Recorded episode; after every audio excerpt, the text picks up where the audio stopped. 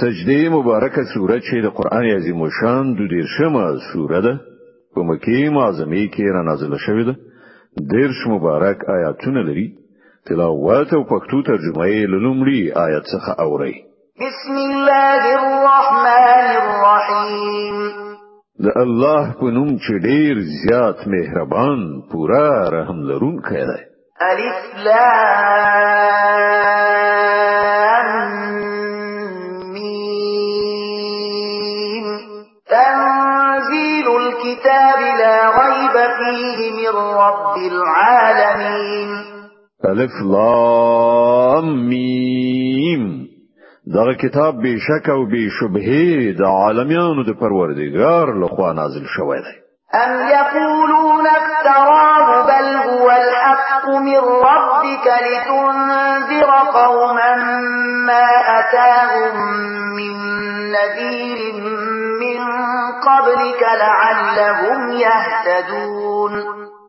ایا دوی وایي چې دغه سړی یعنی محمد دا قران له خپل ځان جوړ کړای دی نه بلکې دا حق د استاد پروردگار لخوا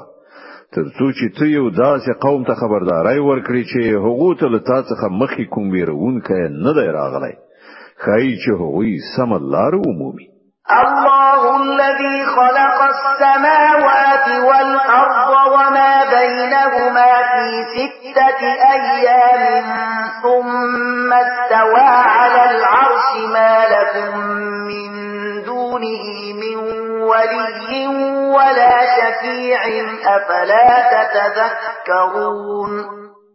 مغه الله دی چې هغه اسمانونه او زمکه او هغه ټول شیان چې د هغو په منځ کې دي په شپږو ورځو کې پیدا کړل له هغه وروسته د خپل سلطنت پر تخت ځلان شو له هغه پرته نستا سي څوک ملاتړ او مرستن دوی شته او نه څوک له هغه په وړاندې سپارښت کوونکی نو آیا تاسو پند نه اخلئ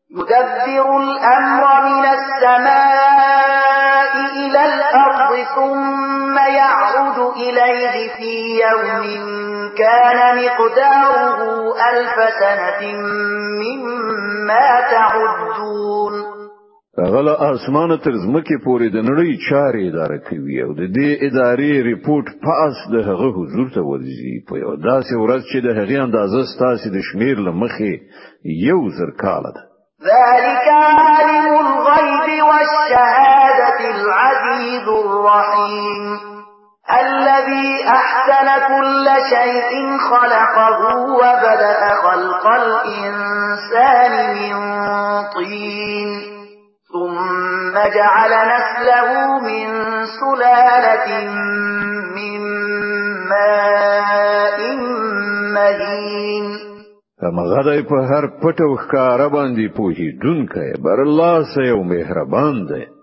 هغه چې هر شی پیدا کړ ډیر خې پیدا کړ هغه د انسان د هستونې پایل له پخې شوی خټې څخه وکړ بیا د هغه زوزات لوي داسې څڅند جوهر څخه پیدا کړ چې د حقیر او بو په څیر دی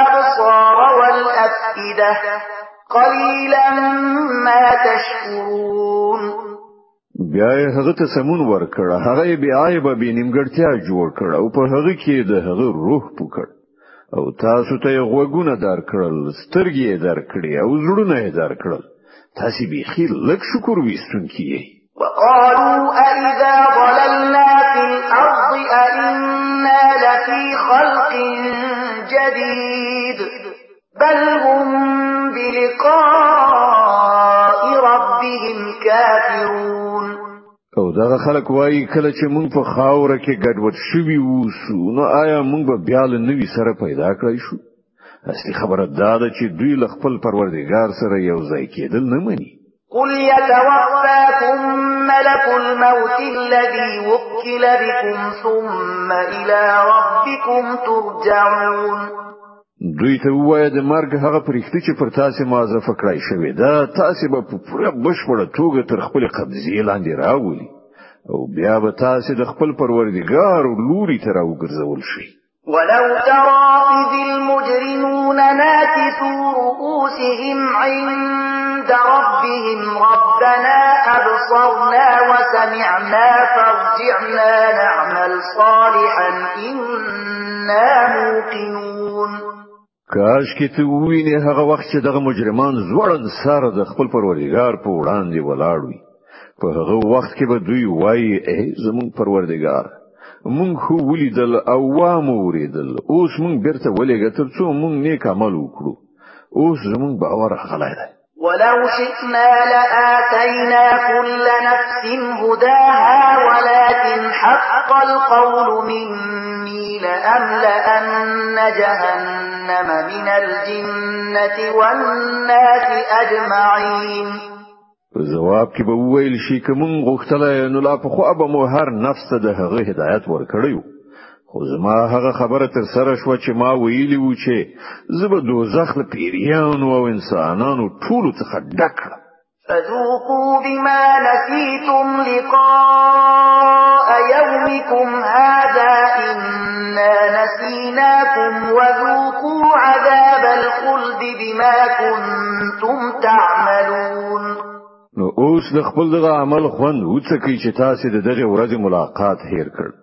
مونږ اوس تاسو هیر کړی یاست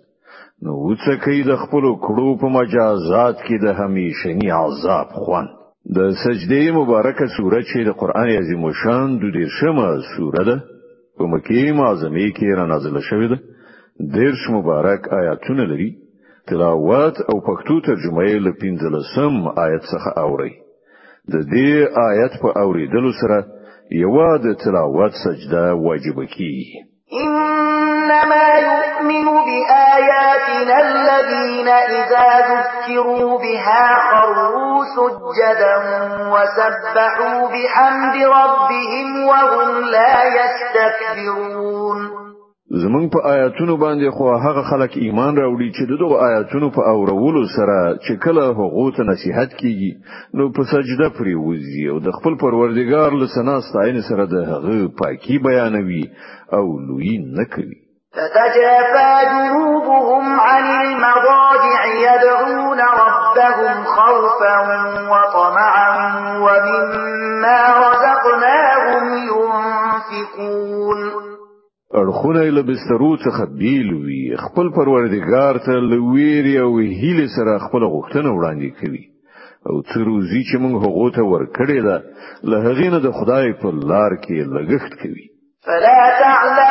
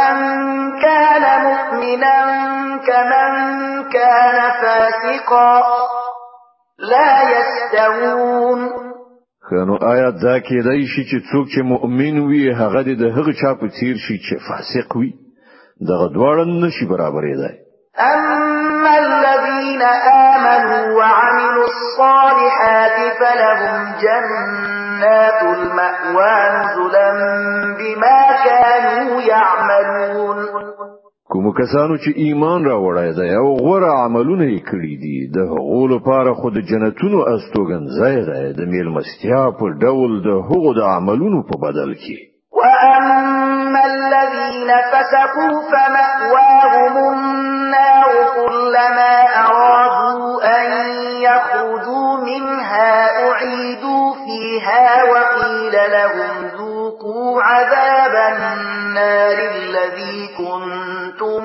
به تكذبون او کوم کسانو چې فسق غوړه کړی دی د هغو هستوګن زید او زخت دی هر کله چې هغه له هغه نه وتل وغواړي بیرته به په هغه کې وغورځول شي او هغه ته به ویل شي چې اوس د همغه اور د عذاب خوند وڅکي چې تاسو هغه دروغ غاڼه ولنذيقنهم من العذاب الأدنى دون العذاب الأكبر لعلهم يرجعون له هغه لوی عذاب نه مخکې به مونږ په همدې دنیا کې د یو نه یو واړو عذاب خوند په دوی باندې څکو خای چې دوی د خپل سرکشي لکړن لارې نه راوړي ومن أظلم ممن ذكر بآيات ربه ثم أعرض عنها إنا من المجرمين منتقمون او له هغه نه به لوی ظالم څوک وي چې هغه ته د هغه د پروردګار د آیاتونو په وسیله نصیحت وشي او بیا هغه له هغونه مخ واړوي له دغه سه مجرمانو نه مونږ غچ اخیستون کیو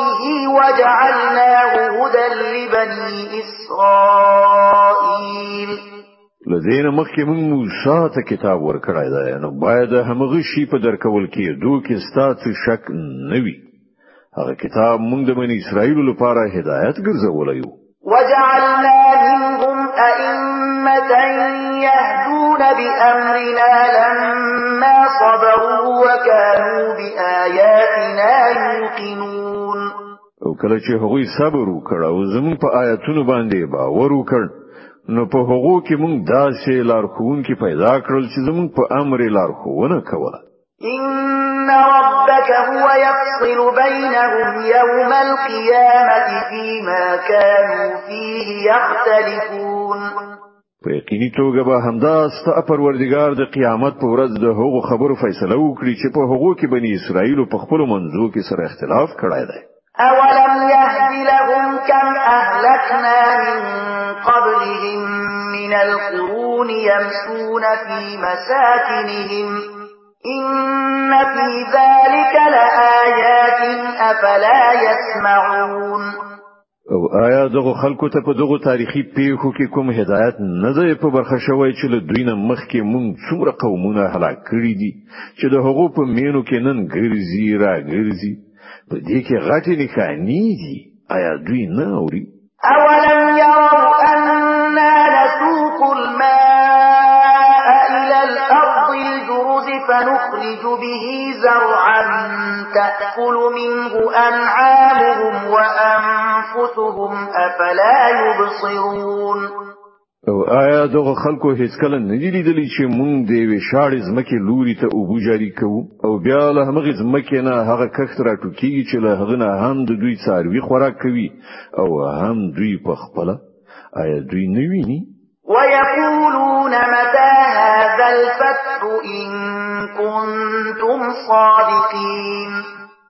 دغه خلک وایي چې دغه فیصله به کله وی که تاسو ریښتینی قل يوم الفتح لا ينفع الذين كفروا إيمانهم ولا هم ينظرون دوی ته وایي د فیصلې په ورځ به ایمان راوړل د هغو خلکو لپاره هیڅ ګټور نه وي چې هغوی کافر شوي دي او بیا به هغو ته کوم مهلت ورنکړی شي